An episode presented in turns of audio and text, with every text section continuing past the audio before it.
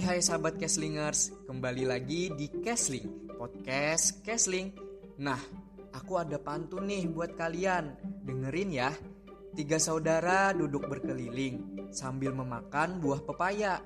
Apa kabar pendengar setia Kesling? Semoga sehat selalu ya. Oh iya, kenalin, aku Muhammad Fadil Arsyad dari IMKLI. Di podcast kali ini, kita akan membahas suatu topik yang menarik nih dan agak sedikit padat, yaitu tentang limbah B3 dari kegiatan vaksinasi COVID-19. Nah, di episode kali ini kita kedatangan narasumber yang keren banget nih dan pastinya dapat pembahasan yang bermanfaat, yaitu Kak Adi Narendra. Halo Kak, Om Swastiastu, boleh memperkenalkan diri dulu nih ke sahabat Kesling yang di rumah.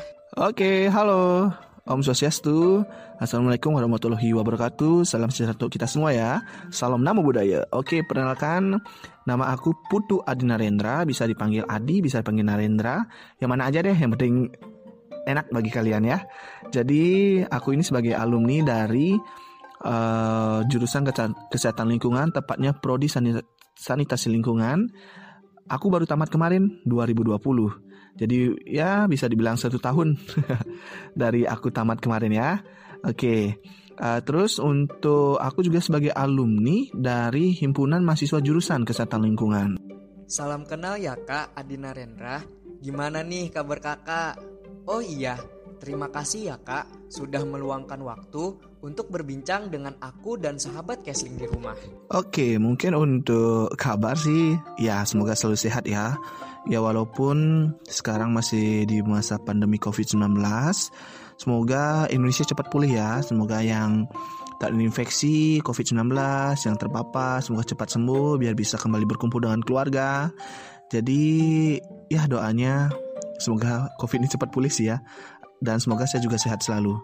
Pada podcast kali ini, kita akan mengulik bareng Kak Adi Narendra dengan pembahasan limbah B3 yang dihasilkan dari kegiatan vaksinasi COVID-19. Mungkin langsung saja kita mulai dengan pertanyaan pertama. Jadi gini kak, sekarang kan masyarakat Indonesia wajib divaksin nih sebagai salah satu upaya untuk memutus rantai penyebaran infeksi COVID-19 dan menekan angka kasus COVID-19 yang masih terus meningkat.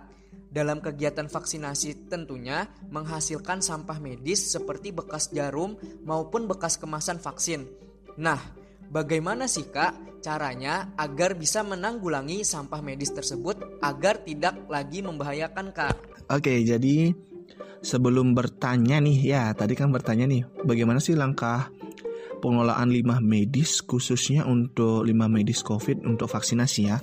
Nah, sebelum kita jelaskan tentang langkah-langkahnya, mungkin kita harus tahu dulu nih. Limbah medis ini apa sih sebenarnya limbah medis B3 ini apa sih sebenarnya ya? Jadi, limbah medis B3 ini adalah barang atau bahan sisa hasil kegiatan yang tidak digunakan kembali yang berpotensi terkontaminasi oleh zat yang bersifat infeksius atau kontak dengan pasien atau petugas di Fasiankes, fasilitas pelayanan kesehatan yang menangani pasien. Nah, uh, pasiennya itu bisa pasien yang COVID-19, setelah itu yang meliputinya seperti masker bekas, setelah itu sarung tangan bekas, perban bekas, tisu bekas, plastik bekas, minuman makanan, kertas, dan salah satunya suntik bekas. Nah ini yang tadi ditanyakan.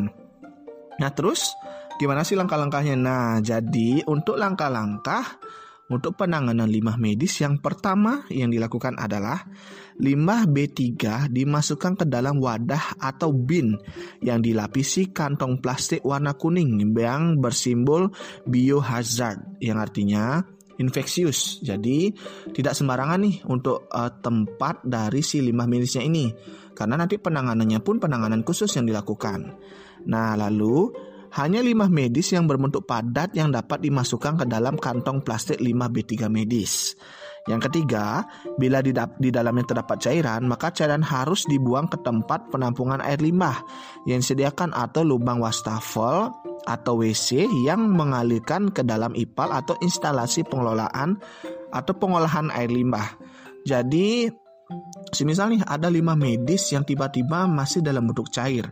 Jadi itu tidak bisa langsung kita masukkan ke dalam uh, ke dalam tempat atau wadah yang sudah isi logo biohazard ini. Jadi kalau bisa yang cairan itu dibuang ke ke IPAL atau instalasi pengol uh, pengolahan air limbah agar nanti uh, biar bisa lah ke biar bisa tidak maksudnya biar tidak tergabung nih biar te, tidak tergabung antara yang cair dengan yang padat seperti itu kita harus bisa membedakan atau kita bisa pilah. Selanjutnya, setelah 3 per 4 penuh atau paling lama 12 jam, sampah atau limbah B3 dikemas dan ikat rapat. Jadi bagaimana sih caranya pengelolaannya ini biar limbah medis B3 ini agar tidak misalnya tiba-tiba kita sudah buang nih limbah medis B3 dalam uh, di dalam wadah kresek yang warna kuning.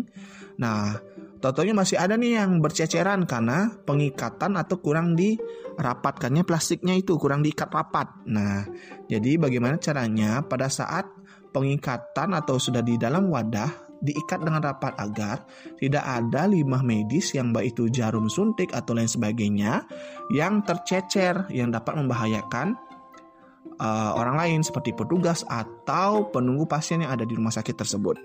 Nah, lanjut 5 padat B3 medis yang telah diikat setiap 24 jam harus diangkut, dicatat dan disimpan pada TPS 5B3 atau tempat yang khusus.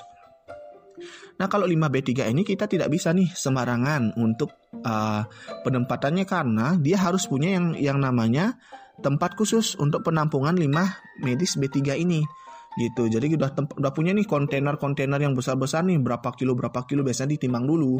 Ditimbang setelah itu dicatat jadi berapa sih uh, limbah medis yang dihasilkan setiap rumah sakit biasanya seperti itu.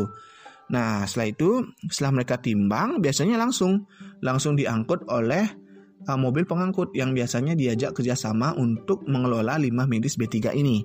Gitu. Nah setelah itu untuk pengumpulan limbah, medis B3 pada TPS limbah B3 dilakukan menggunakan alat transportasi khusus limbah infeksius dan petugas menggunakan APD.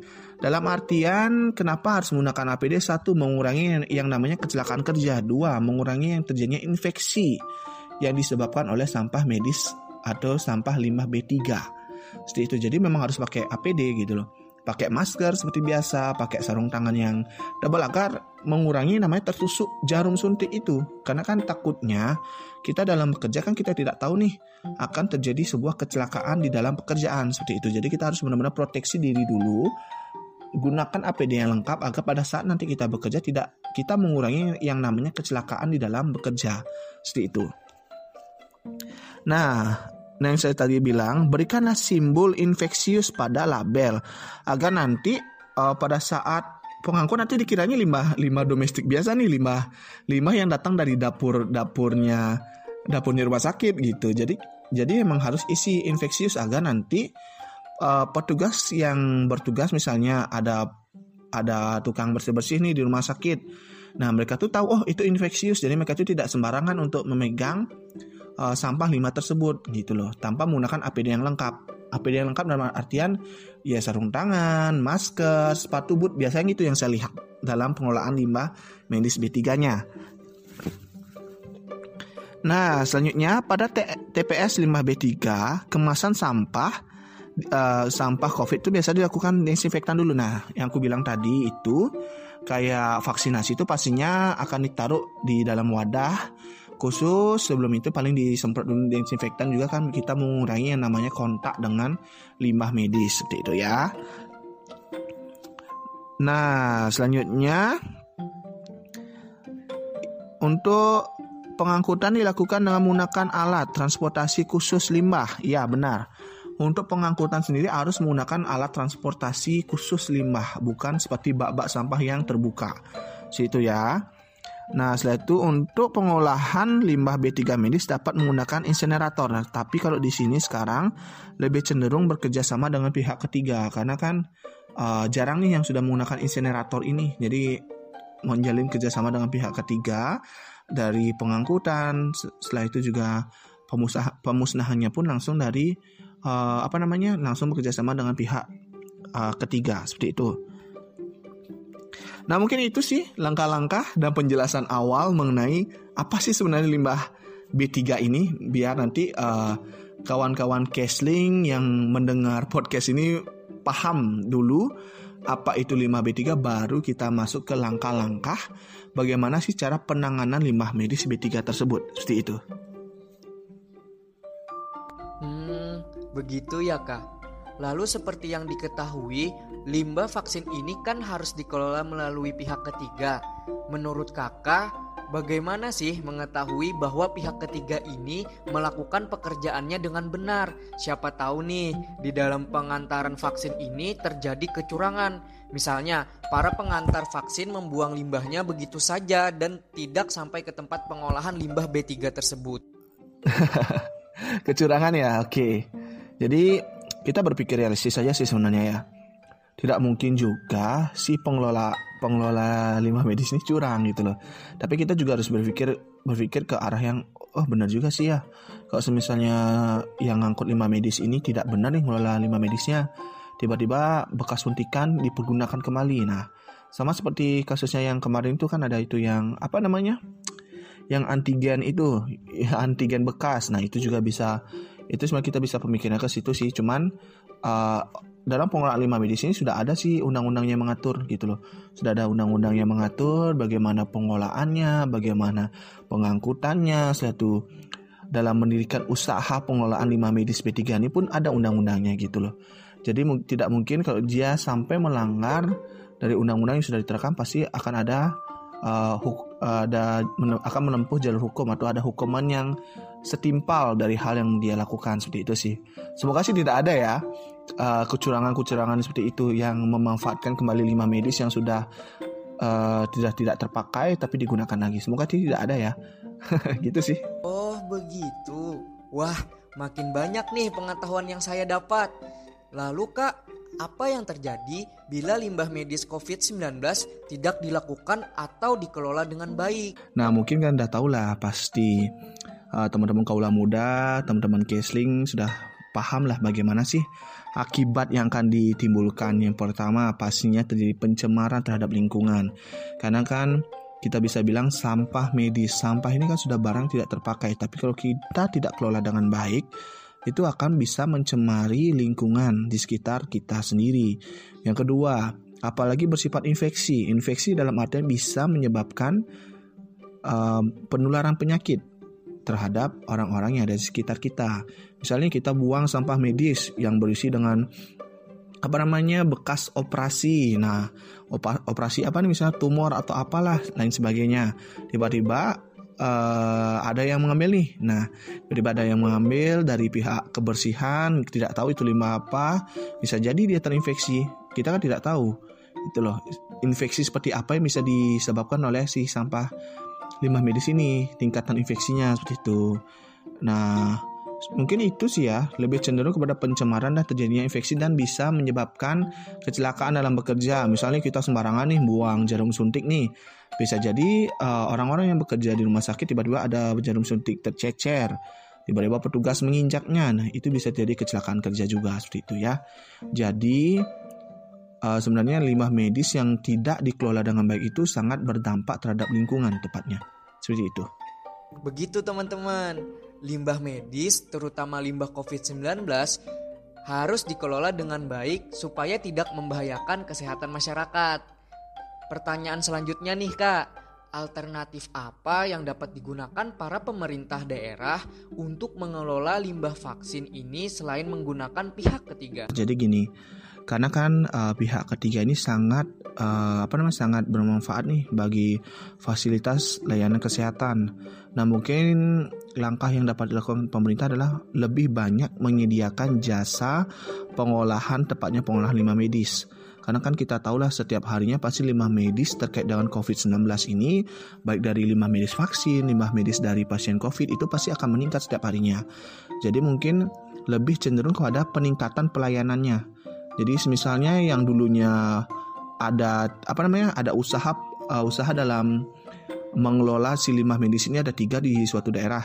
Bagaimana caranya pemerintah ini menambah menambah daya tampung dari daya tampung atau daya angkut dari si uh, pengusaha yang memiliki usaha untuk pengelolaan limbah ini itu loh daya tampungnya yang ditingkatkan selain daya tampung yang ditingkatkan bagaimana caranya untuk menambah kembali uh, usaha baru usaha baru dalam artian adalah yang semisalnya ada tiga ditambah lagi sama pemerintah dengan daya tampung yang besar agar lima-lima medis baik lima medis vaksinasi atau lima medis COVID-19 ini bisa tercover semuanya gitu loh. Tidak ada yang sampai uh, limbahnya itu terbengkalai, tidak ada limbah yang tercecer, tidak ada limbah yang dibuang sembarangan yang dapat uh, terjadi apa maksudnya yang berdampaknya itu nanti uh, terhadap uh, pencemaran lingkungan gitu. Mungkin nanti pemerintah bisa sinergi ber, bersama untuk bisa nanti menambah fasilitas terkait dengan pengolahan atau pengelolaan si limbah medis ini dengan daya tampung yang ditambah setiap tim pengangkut yang akan mengangkut limbah medis tersebut setiap harinya seperti itu. Oke kak, lanjut ke pertanyaan berikutnya ya. Bagaimana sih Kak penanganan limbah vaksinasi di daerah yang tidak memiliki insenerator ataupun tidak bisa bekerja sama dengan pihak ketiga karena daerah tersebut tidak terjangkau? Sebenarnya sama sih pertanyaan seperti di awal seperti peran pemerintah daerah. Semisal nih tidak uh, tidak adanya uh, apa tidak adanya usaha dalam pengelolaan limbah medis, pemerintah kelimpungan dengan menumpuknya limbah medis di beberapa daerah. Sebenarnya sama sih jadi bagaimana caranya pemerintah dapat menaikkan daya tampung? Maksudnya dalam artian bagaimana caranya si uh, maksudnya si pengusaha pengelolaan limbah medis ini bagaimana caranya menambah armada gitu loh. Jadi yang misalnya hanya bisa menjangkau daerah Jawa dan Bali, siapa tahu bisa menjangkau daerah NTB dan NTT atau yang ke daerah timur gitu. Jadi bagaimana caranya strategisnya adalah bagaimana caranya uh, yang memiliki pengolahan data ini, maksudnya pengolahan data yang memiliki uh, apa namanya, yang memiliki usaha pengolahan sampah medis ini, uh, bagaimana caranya berkolaborasi dengan pemerintah. Jadi berdiskusi dengan pemerintah apa sih langkah yang harus dilakukan? Apakah pemerintah mengizinkan atau memberikan izin kembali usaha untuk mendirikan usaha pengelolaan limbah medis atau menambah uh, maksudnya menambah jalur nih dari awalnya cuma Jawa Bali menambah jalur hingga ke NTB dan NTT bisa saling berkolaborasi aja sih antara pemerintah daerah dengan uh, pengelola limbah medis itu gitu siapa tahu dia punya anakan perusahaan nih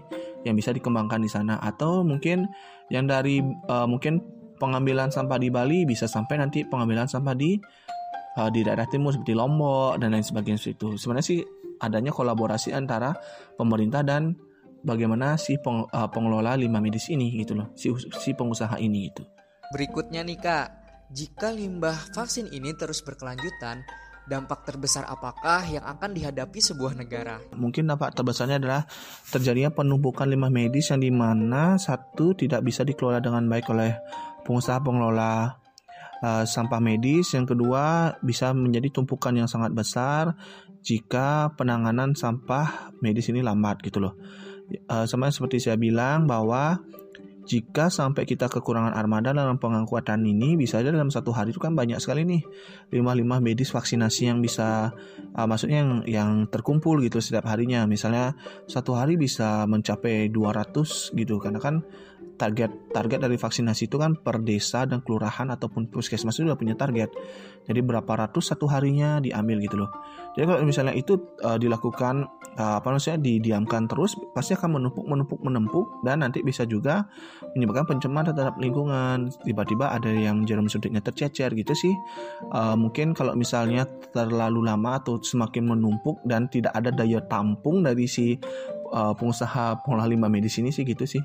Jadi bagaimana sih nanti kita bersinergi bersama-sama uh, apa namanya dalam pengelolaan ini? Bagaimana cara kita memang menaruh rapat dari si limbah medis ini biar tidak tercecer salah satunya disimpan di tempat yang memang jauh dari keramaian atau tempat yang memang jauh dari terpisah dari limbah domestik gitu loh kayak gitu sih pasti akan menumpuk kalau misalnya lama kelamaan semakin banyak ini semakin menumpuk menumpuk menumpuk tidak bisa diangkut tiba-tiba tercecer begitu saja bisa jadi seperti itu nanti Oke kak, masuk ke pertanyaan terakhir nih. Menurut kakak, cara pengelolaan limbah medis terutama limbah vaksin yang tepat dan sesuai standar itu seperti apa? Bagaimana sih cara uh, pengelolaan limbah medis yang tepat dan sesuai standar? Tepat sesuai standar. Ya kita berpacu juga dalam undang-undang yang mengatur mengenai pengelolaan limbah medis gitu loh. Jadi seperti yang tadi di awal kan ada itu yang saya jelaskan di awal menggunakan plastik yang memang ada lambang biohazardnya. Setelah itu ditaruh di tempat yang memang tempat khusus penampungan limbah medis B3.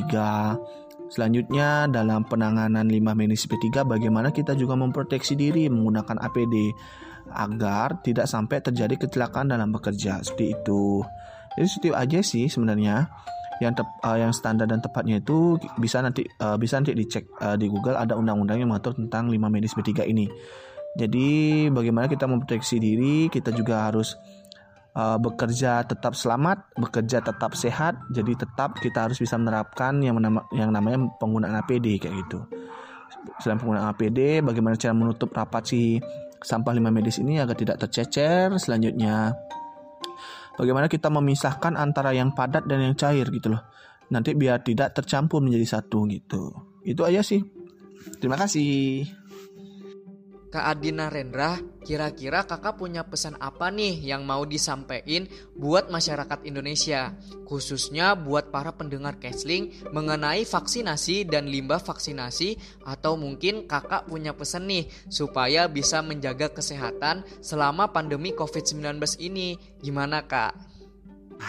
Oke, udah di awal ya kita udah di awal serius-serius banget nih nah mungkin pesannya nih untuk kaula muda tempatnya untuk anak-anak kesehatan lingkungan Pesannya adalah satu, bagaimana kita sebagai tenaga kesehatan lingkungan atau garda terdepan, bagaimana cara kita bisa menerapkan apa yang kita dapatkan di bangku perkuliahan. Jadi, bisa kita sudah diajarkan bagaimana pengelolaan limbah medis, kita juga bisa memperhatikan nanti bagaimana sih pengelolaan limbah medis yang selama ini diterapkan di beberapa fasiankes, fasilitas layanan kesehatan gitu bisa juga diterapkan. Jadi ilmu yang kita punya terapkanlah sekarang di lapangan.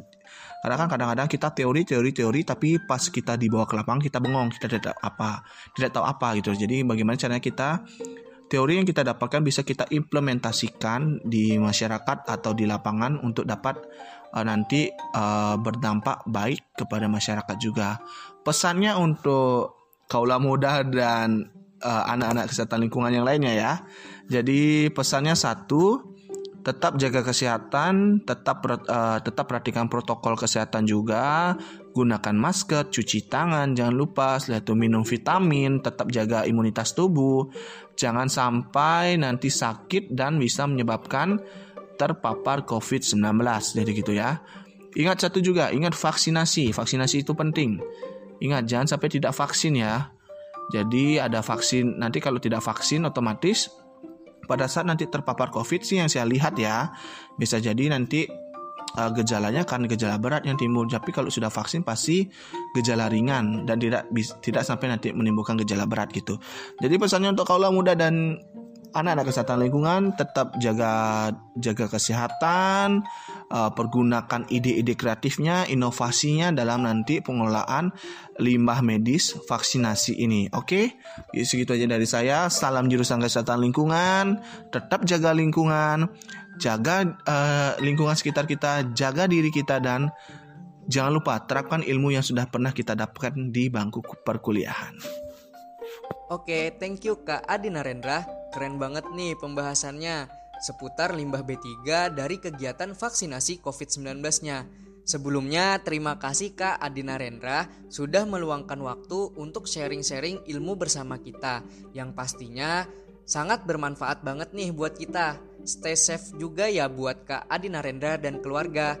Semoga pesan-pesan dari Kak Adi Narendra gak cuma didengar aja sama teman-teman Kesling, tapi juga bisa diimplementasikan dan berharap kita lebih aware terhadap lingkungan sekitar kita. Buat teman-teman juga, jangan lupa untuk follow Instagram IMKLI dan terus dengerin Kesling karena bakal banyak banget bahasan bahasan mengenai isu lingkungan terbaru dan juga kabar-kabar keren lainnya. Cukup sekian Kesling kita kali ini. Nantikan casling-casling lainnya yang pastinya akan mengangkat isu-isu lingkungan yang gak kalah menarik deh. Terima kasih untuk yang sudah mendengarkan. Jangan lupa bahagia dan sampai jumpa lagi di podcast berikutnya.